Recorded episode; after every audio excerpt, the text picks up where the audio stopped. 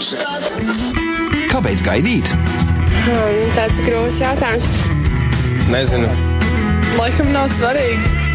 Es nezinu. Nu. Nu, ja jau tā ir mana vienīgā. Raidījums Kāpēc gaidīt? Labvakar, mīļie radio klausītāji! Ar jums eh, raidījums Kāpēc gaidīt un studijā esmu es Dainis. Um, šodien vēlos runāt par diezgan pavasarīgu tēmu, proti tēmu, kas saistīts ar apģērbu, apģērbu Un, jo daudz meitenes un arī puiši sāk valkāt vasarīgas drēbes, taču tajā laikā tas arī mm, rada bieži vien jautājums, um, vai mēs nekļūstam kādam par piedauzību, vai savukārt, vai kāpēc man vajadzētu justies uztraukušam, kad ka kāds varbūt piedauzās pie man apģērba. Šodien vēlētos runāt par šo tēmu un pārdomāt, kā tad tur ir ar to apģērbu. Tas ir skaistumam vai piedauzībai un kā to saprast. Taču pirms iesākt tēmu vēlos atgādināt, ka no 29. aprīļa līdz 1. maijam mums šogad būs uh, mīlestība nav mirusi festivāls, kas paredzēts jauniešiem vecumā no 14 līdz 35 gadiem, un ir iespēja reģistrēties mājaslapā vēl līdz 24. aprīlim. Un šogad mums būs gan daudz interesantas lekcijas, un tā pamatēma ir es gaidu. Līdz ar to, nu, kā tad, ko nozīmē tā gaidīšana. Būs arī lekcijas, protams, par randiņiem, Būs lekcijas arī, kāpēc gaidīt, un uh, arī kā savā veidā var ietekmēt un kā var būt brīvs no pornogrāfijas ietekmes. Taču būs arī ļoti uh, laba lekcija meitenēm uh, par to, ko meklē meitenes sirds un, uh, un ko darīt, uh, ja meklē ne tajā vietā, un arī atsevišķas lekcijas puišiem. Uh, Kā arī mums būs uh, koncerts ar kristīgu dziedātāju no ASV, Britniju Kristiānu, kura pati raksta dziesmas, viņai ir izdots arī albums. Uh, un šogad arī pirmo reizi var pieteikties um, grupās. Tātad, ja piesakā uzreiz pa desmit cilvēku grupā, tad, tad var būt nedaudz lēkāk, lētāk 18 eiro. Ja piesakās individuāli, tad ir 20 eiro.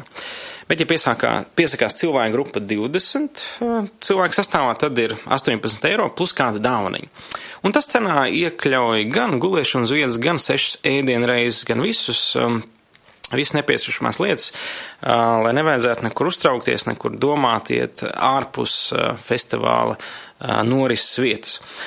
Līdz ar to aicinu, ka jūs varat pieteikties, lai visi kopā mēs būtu, tiktos un pavadītu brīnišķīgu laiku un mācītos par attiecībām un arī tuvotos caur to visu Dievu. Taču šodien, tad, kā jau teicu, runāsim par apģērbu. Nu, padomāsim vienkārši tā no malas. Tad apģērbs mm, ir domāts kam? Nu, tad apģērbam ir vairākas funkcijas un ir dažādu, nu, teiksim, apģērbi, nu, teiksim, katram apģērbam savu vietu un mērķis. Nu, pieņemsim, mēs zinām, ir darba apģērbs, ja darba forma ar kur ir jāstrādā, un, nu, teiksim, ja tas ir, nu, teiksim, celtniecības apģērbs, tad mēs nebojam, nebaidamies to, nu, kaut kādā savā veidā sa, sabojāt vai sasmērēt.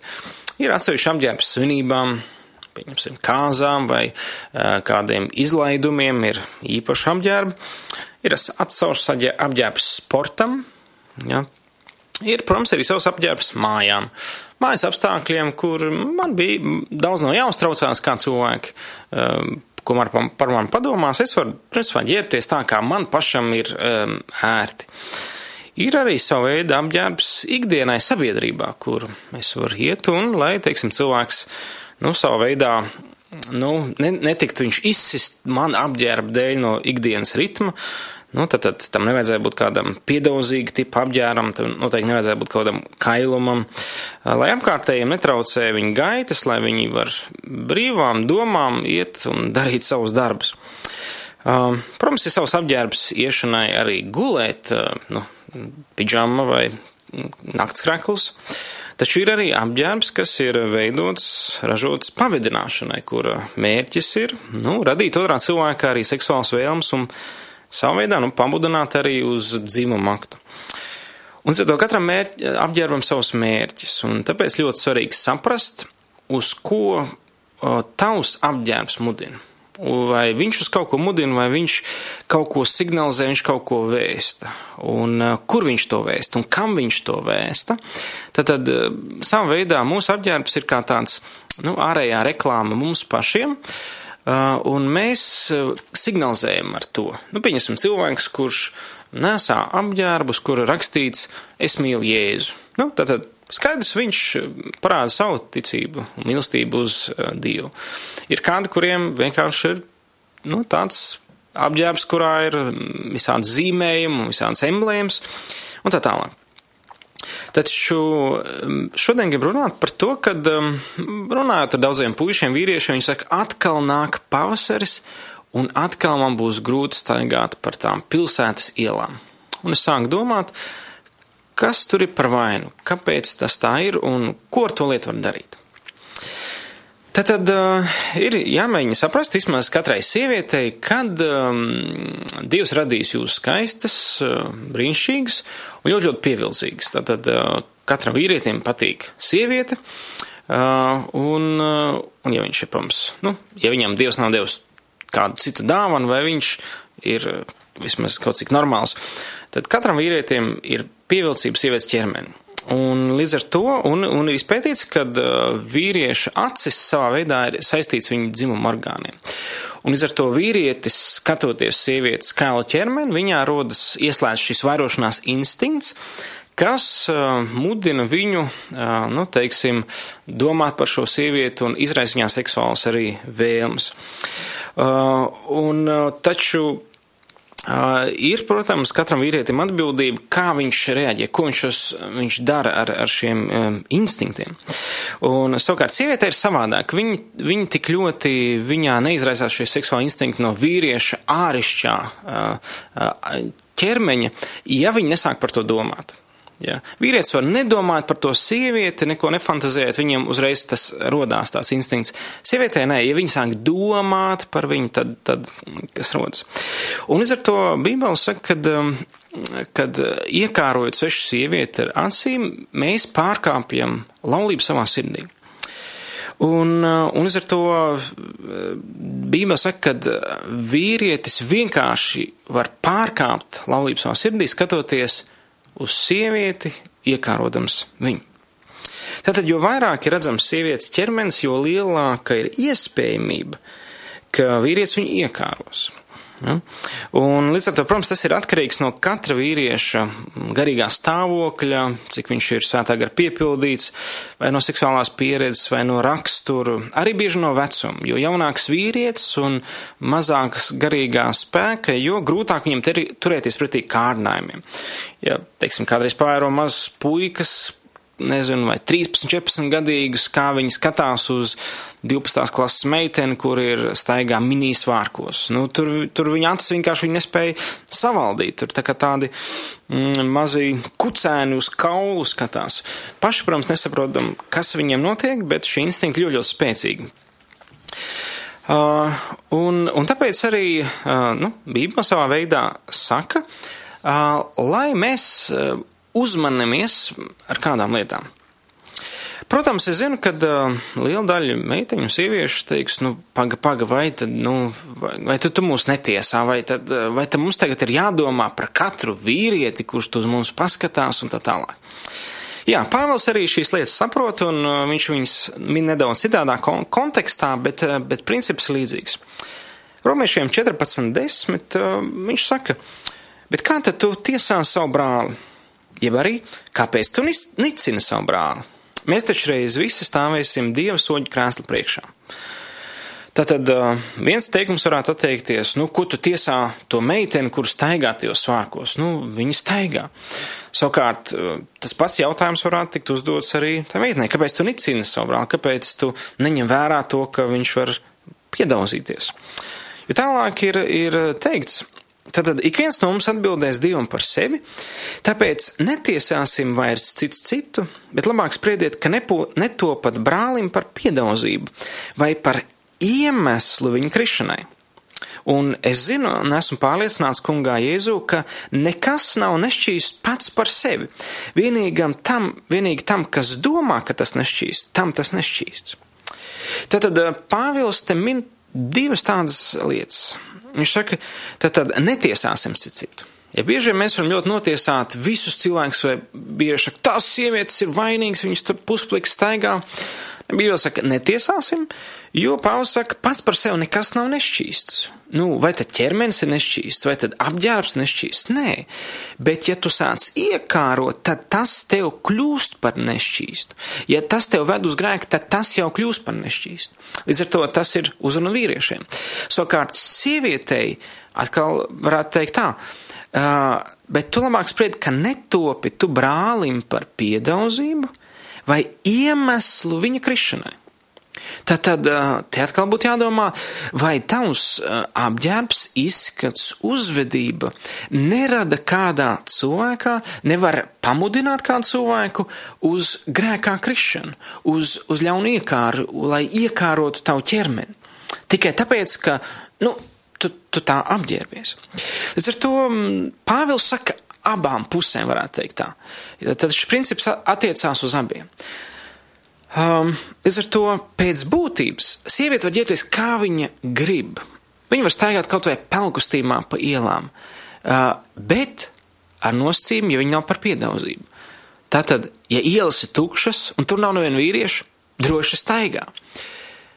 Bet, ja tu zini, kad vīrietim ir tādas problēmas, tad uh, nevajadzētu staigāt pie ielām, kur ir vīrieši. Jo tagad tu zini, ka viņi, viņos šī ieslēdz šis vērošanas instinkts, skatoties vienkārši uz tavu neapklāto, formīgo ķermeni, ko Dievs ir paredzējis tavam vīram, lai viņš tevi iemīlētu un ar to uh, nāk pasaulē arī bērnu, jums būtu īpaša tuvība. Tātad tavs ķermenis nav nešķīsts, tavs apģērbs nav nešķīsts, bet Dievs saka, bet nekļūst par piedauzību, ar savu skaistumu, brīnišķīgo skaistumu. Labāk ne, nedara to. Piemēram, es zinu cilvēku, kuriem ir nu, labas mašīnas, un tiešām jaunākā modeļa mašīnas. Un viņi brauc, teiksim, kaut kādā, nu, pieņemsim, misijas projektā. Viņi speciāli nebrauc ar to ideālo labo mašīnu, lai nebūtu par piedauzību kādam cilvēkam, kurš varbūt ir nabadzīgāks. Līdz ar to tāpat arī mums ir daudz labas lietas, bet mums jāuzmanās, mums nevienmēr vajag ar tām lielīties tās izrādīt. Um, Līdz ar to tu vari kļūt par iemeslu kādam, kurš krīt grēkā un varbūt pat atkāpjas no dieva no tā. Mēs varam uzdot jautājumu, vai Batsepa bija vainīga, ka Dāvids viņu ieraudzīja un iekāroja? Nē, Batsepa nebija uh, vainīga. Taču grēks un iekāra nāca no Dāvida puses, no dieva vīra, un sekas bija kādas. Tas prasīja Batsebas vīra nāvi, Tas prasīja šī ārlaulības bērna, kas bija no Dāvida ieņemts viņa nāmi, un pēc tam kauna traips ķēniņa biogrāfijā. Tad, tad eh, Batseba nebija vainīga, bet, eh, bet redziet, cik spēcīgi ir grēkā krišana un piedauzība, kas nāk caur iekāru uz sievietes ķermeni. Tad, tad tavs apģērbs var izraisīt, un tu jau nezini, ar ko cīnās tas vīrietis. Varbūt šis vīrietis ir uh, atkarīgs no pornogrāfijas, varbūt viņš grib tikt vaļā no tās, un tavs apģērbs var to pamudināt. Bet varbūt, ka tu neesi piedauzība, varbūt pat ne vīrietim, bet varbūt sievietei. Ir, ir sievietes, kas ir ļoti greizsirdīgas uz jaunām sievietēm, kad viņi iet blakus savu vīru, un vīrietis paskatās un, un, un, un varbūt pat atgriežas, lai paskatītos to meiteni vēlreiz. Tātad tu vari būt ar savu skaisto mm, daļumu savā augumā par piedāvājumu pat arī sievietēm, ne tikai vīriešiem. Tātad, un, un līdz ar to Tev var būt jautājums, bet ko tam man darīt? Tam man tagad ģērbties meitelīt, man tagad staigāt paranžās, pelēkai kā pelēji. Ko man darīt? Ļoti labs jautājums. Mēģināsim padomāt. Tātad tavs apģērbs par tevi kaut ko pasaka. Un, kad runāju arī par šo, tas neatiec ne tikai uz meitenēm, bet arī uz, uz puišiem. Ja? Tad, tad apģērbs ir tavs ārienes redzamā daļa un tavs ķermenis. Un līdz ar to tavs apģērbs kaut ko reklamē no tevis. Ja? Jo spožāks apģērbs, kaut vai krāsu ziņā, ir izpētīts, ka spožās, spilgtās krāsas pievērš uzmanību un rada cilvēkos nu, tādu nu, emocionālo uzbudinājumu, jeb uh, brīdinājumu signālus, jo nepavēlti dabā visi daudzi indīgie kukaiņi ir ar šo spilgtiem krāsām, spilgti sarkanām, spilgti dzeltenām. Ja? Un līdz ar to Jo, ja, jo krāsaināks apģērbs, jo vairāk viņš pievērš uzmanību. Tad pirmais jautājums ir, vai tu gribi, lai tev pievērš uzmanību? Ja tu gribi, uh, labi, tad, tad apģērbs tam ir dots. Bet jautājums, kāpēc tu gribi, lai tev pievērš uzmanību? Sieviete radīta tā, lai tiešām viņai pievērst uzmanību, bet tas nenozīmē, ka uh, visiem tas obligāti ir jādara. Patiesībā sievietei pietiek, kad ir uh, vīrs, kas viņu apbrīno, apbrīno. Jo tā ir sievietes vajadzība būt apbrīnotai. Un, uh, ja meitene, sieviete ir apbrīnota bērnībā no savu tēva, viņas tā emocionālā krājkasīta dvēselē ir, ir piepildīta, tur nav tukšums. Līdz ar to viņai nav vajadzīgs tāds vēl papildus kaut kāds novērtējums no citiem. Viņa varētu arī iztikt. Uh, bet bieži vien, ja tas ir iztrūcis, prasās bieži vien šī ārējā, ārišķīgā pievēršana sev. Pilnīgi neapzinātā līmenī, pilnīgi sievietē neapzinoties, ko viņa to dara, vienkārši viņas dvēseli kliedz, pievērsiet uzmanību, pasakiet, ka es esmu skaista, ka es esmu apbrīnojama. Jo Dievs tā ir radījis, kad, kad Dievs radīja ievu priekš Ādam, lai Ādams izsauktos, wow, kāda sieviete! Un katrai sievietei dvēselē ir vēlme dzirdēt, ka viņa ir skaista, ka viņa apbrīnojama. Taču tas nenozīmē, ka tāpēc ir jāiet um, nu, ārā uz ielas un visiem jāsauc uh, tā neapzināti līmenī, sakiet, ka es esmu skaista. Um, līdz ar to bieži vien ir jautājums dvēselē. Dvēseles nepiepildītās ilgas. Tās var tikt dziedināts, uh, un, un neviens vairāk tā nenovērtēs tevi kā pats Dievs, kā, kā Jēzus, kurš ieraug um, to, ka tu esi brīnišķīgi un viņš par tevi ir devis savu dzīvību, pierādīdams, ka viņš mīl tevi kā tu esi. Uh, un, protams, ir labi, kad ir jā, kādi cilvēki, kas arī novērtē, bet ir tuvi, uzticami, kuri zina, ka neiekāros, uh, egoistiski neizmantos tavu skaistumu. Um, līdz ar to, ko tu vēlēsi pateikt savu apģērbu? Tad, jo vairāk tu būsi atkailināta, vai arī atkailināts, tu pievērsīsi uzmanību savam ķermenim. Un, uh, un mēs dzīvojam laikmatā, kur ir, ir šis ķermeņa kults, kur tiešām skaists ķermenis tiek padarīts par kaut ko īpašu un skaistu, par kaut ko tādu, nu, īpašu. Bet tas ir tā saucamā romiešu domāšana, grieķu, kas uh, joprojām nāk mūs, mums līdzi, tā pievēršana uzmanību ķermenim. Taču skaistums neaprobežojas tikai ar ķermeni. Pieņemsim, mēs nesam bija Izrēlā, un, un viņiem um, ļoti uh, par skaistu viņi sauc gudrību. Un arī Salmans teica, ka gudrība ir kaut kas skaists. Tā kā cilvēks var rīkoties gudrību, ka viņam pavada labu darbu, ka viņš ir talantīgs, uh, ka tas viņš atnes kaut ko šo neredzamo skaistumu, tam ir daudz lielāka un augstvērtīgāka vērtība. Tātad, kuram skaistumam tu vairāk pievērš uzmanību? Savai ārienam iekšienai. Tātad, pieņemsim, Bībele arī runā par to, jo sievietes ir sievietes, viņš vienmēr gribēs būt krāsains un krāšņs. Taču apustuļi, Jēzus Kristus sekotāji mācekļi, mēģināja mācīt tā laika ticīgās sievietes par izskatu. Piemēram, Pāvils pirmā vēstulē Timotejam 2.9.10 saka, Tāpat arī sievas, lai pieklājīgā uzvedībā, kaunīgi un savaldīgi, lai viņas greznojas nevis ar matu pīnēm un zeltu vai ar pērlēm vai dārgu uzvalku, tātad apģērbu, bet ar to, kas pienākas sievām, kuras grib parādīt dievbību, proti ar labiem darbiem. Tātad Pāvils uh, mēģina pateikt, sieviete, tas, tas, tas lielākais greznība, kas tev ir, ir tava labie darbi. Jo, nu, ir daudz vīriešu, kas atzīst, nu, skaisti man tā sieva, bet, nu, dumja kā neizteikšos kas. Un ir ar sievai jābūt ir gudrai. Sievai ir jābūt spējīgai valdīt saimniecību. Un, protams, ja viņa vīra priekšā uzpošās, oh, tad ir abi bonusi. Bet, bet tomēr laulības dzīve ir sadarība, tā ir, tas ir darbs, tā ir savienība, tas ir kaut kas vairāk kā tikai āršķirīgais skaistums. Ir to meitenei un sievietei pirmkārt par viņu, viņas iekšējo skaistumu liecina viņas labie darbi, tas, kā viņa dzīvo, nevis tā, kā viņa izskatās. Tas pats piemērs par pelnrušķīti. Jā, viņa bija tā, kur princis izvēlējās, kamēr pamāts meitas cacas palika bešā. Līdz ar to Pāvils saka, uzsvers, lai nav izskatā. Jo, un tas arī arī uz vīrieti īstenībā. Mūsdienās ir ļoti daudz vīriešu, kas sāk pievērst uzmanību savam ārējiem izskatam vairāk nekā savam iekšējiem raksturam. Ir labi būt sakoptam, ir labi būt tīram, glītam, Tā ir eh, norma, bet, eh, bet jautājums ir par uzsvaru, par motivāciju.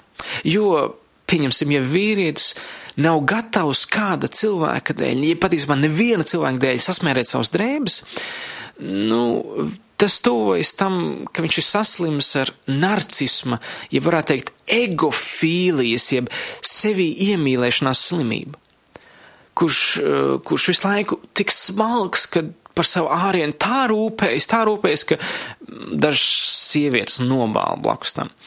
Es zinu, kāds vīrieši, kas pūderē sevi, kad iet ārā uz ielas. Jā, labi, ir labi kaut ko sakopt, vai ne, ja ir kāda skram, bet uh, vai tad nav tā, ka rētas iz, um, izrotā vīrieti? Nu, jo tas liecina par kaut kādu darbu, par uzdrīkšanos, par drosmi. Mēs gribam būt tādi smalki, puisīši.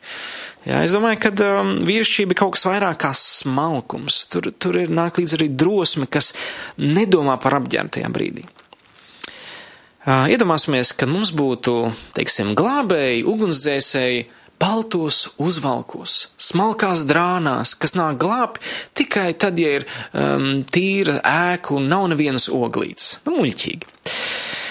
Arī apstults Pēters mēģina runāt par šo ārešķību, Viņš saka, sievietēm, jūsu rotlē nav āršķirīgs matu pinums, zelta lietas, kuras sev apliekat, vai tērps, kurā tierpieties, bet apslēptais ir cilvēks neiznīcīgs savā lēnajā un klusajā garā, tas dievam ir dārgs. Tad viņš atkal liek uzsvaru uz šo iekšējo gara cilvēku. Un, Un, protams, katra kultūra ir savādāka. Mūsu kultūrā jau āršķība, tāda īpaša frizūra vairs nav, nav nekas īpašs. Tajā laikā tomēr šī lielā greznība bija kaut kas ekstraordinārs vai, nu, tas, kas vairāk tika attiecināts uz augstākām līmeņa sievietēm, kas tiešām greznojās ļoti, ļoti. Bet tajā pat laikā tomēr princips ir jāsaglabā uzsvars ir uz iekšējo cilvēku. Um, nu kā tad ģērbās savā laikā Bībelē? Kāds bija tā laika sieviešu apģērba? Um, jūs zināt, mūsdienās ir dažādi uh, sievietes saka, nu, es taču karstā dienā neiešu vilkt tur garās kleitas un tur vēl kaut ko, man taču ir karsti. Um, Bībele sarakstīta nu, tādā reģionā, dienvidu, eh, kurā nu, ziemā ir 10-15 grādu vidējā temperatūra, kā kurā reģionā. Um, pie nāves jūras vienmēr ir plus 25, bet vasarā ir 25 plus 40 grādi. Līdz ar to mēs runājam par kontekstu, kurā karstums ir daudz lielāks nekā Latvijā. Kā tad tur ģērbās tajā laikā?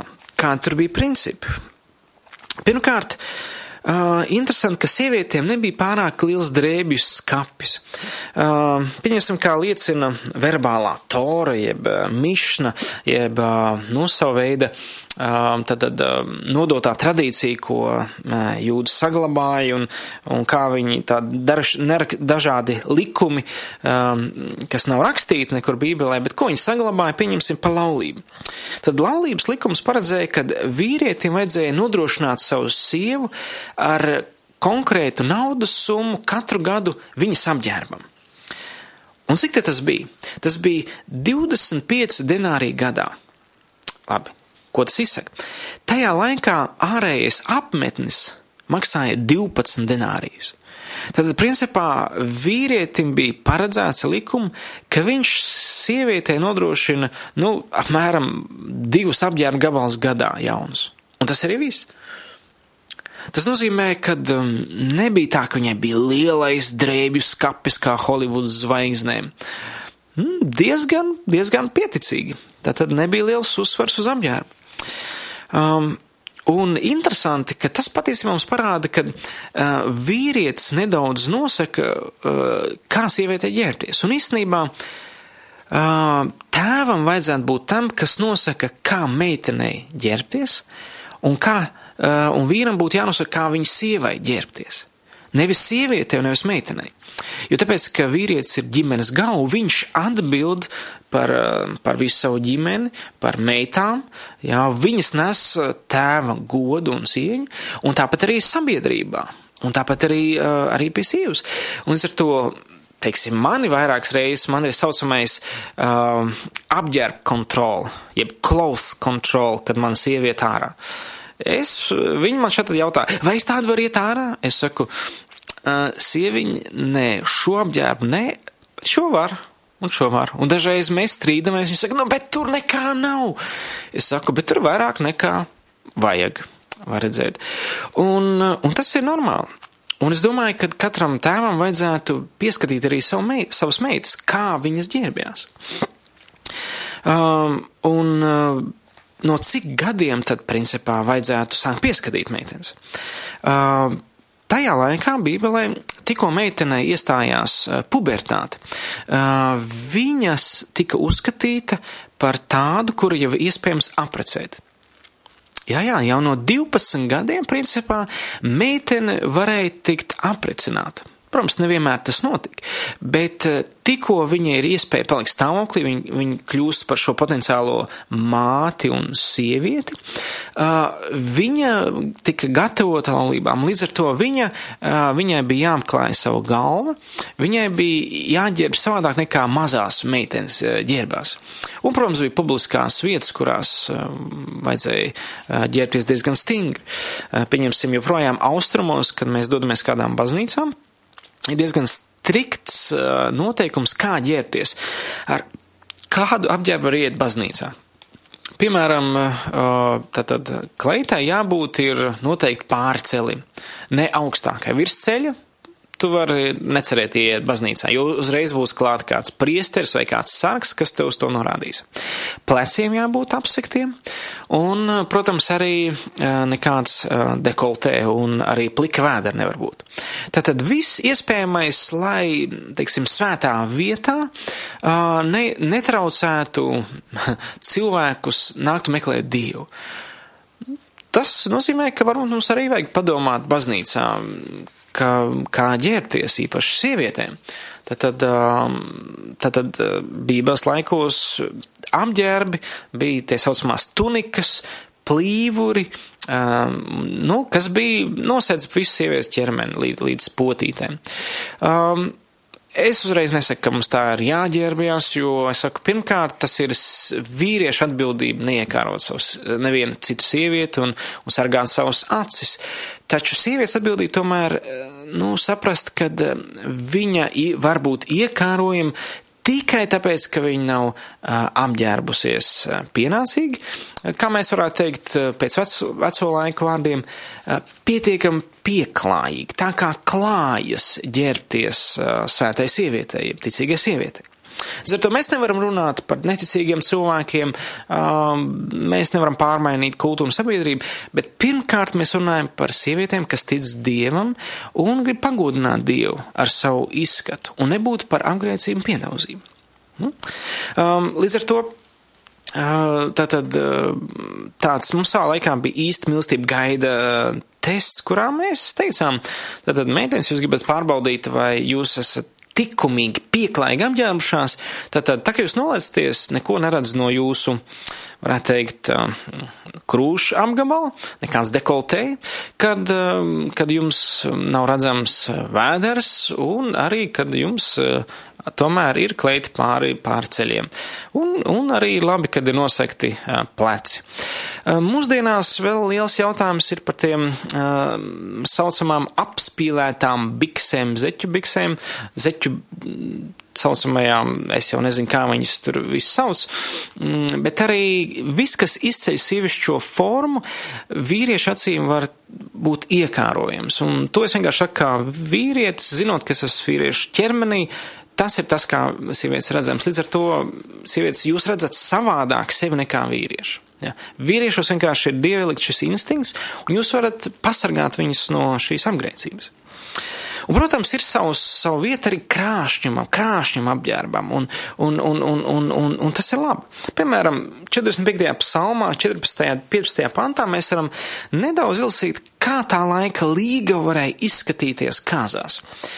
Tad, tad tur ir teikts, Košā skaistumā mirdz ķēniņa meita, ar zeltu un pēlēm ir rotāts viņas apģērbs.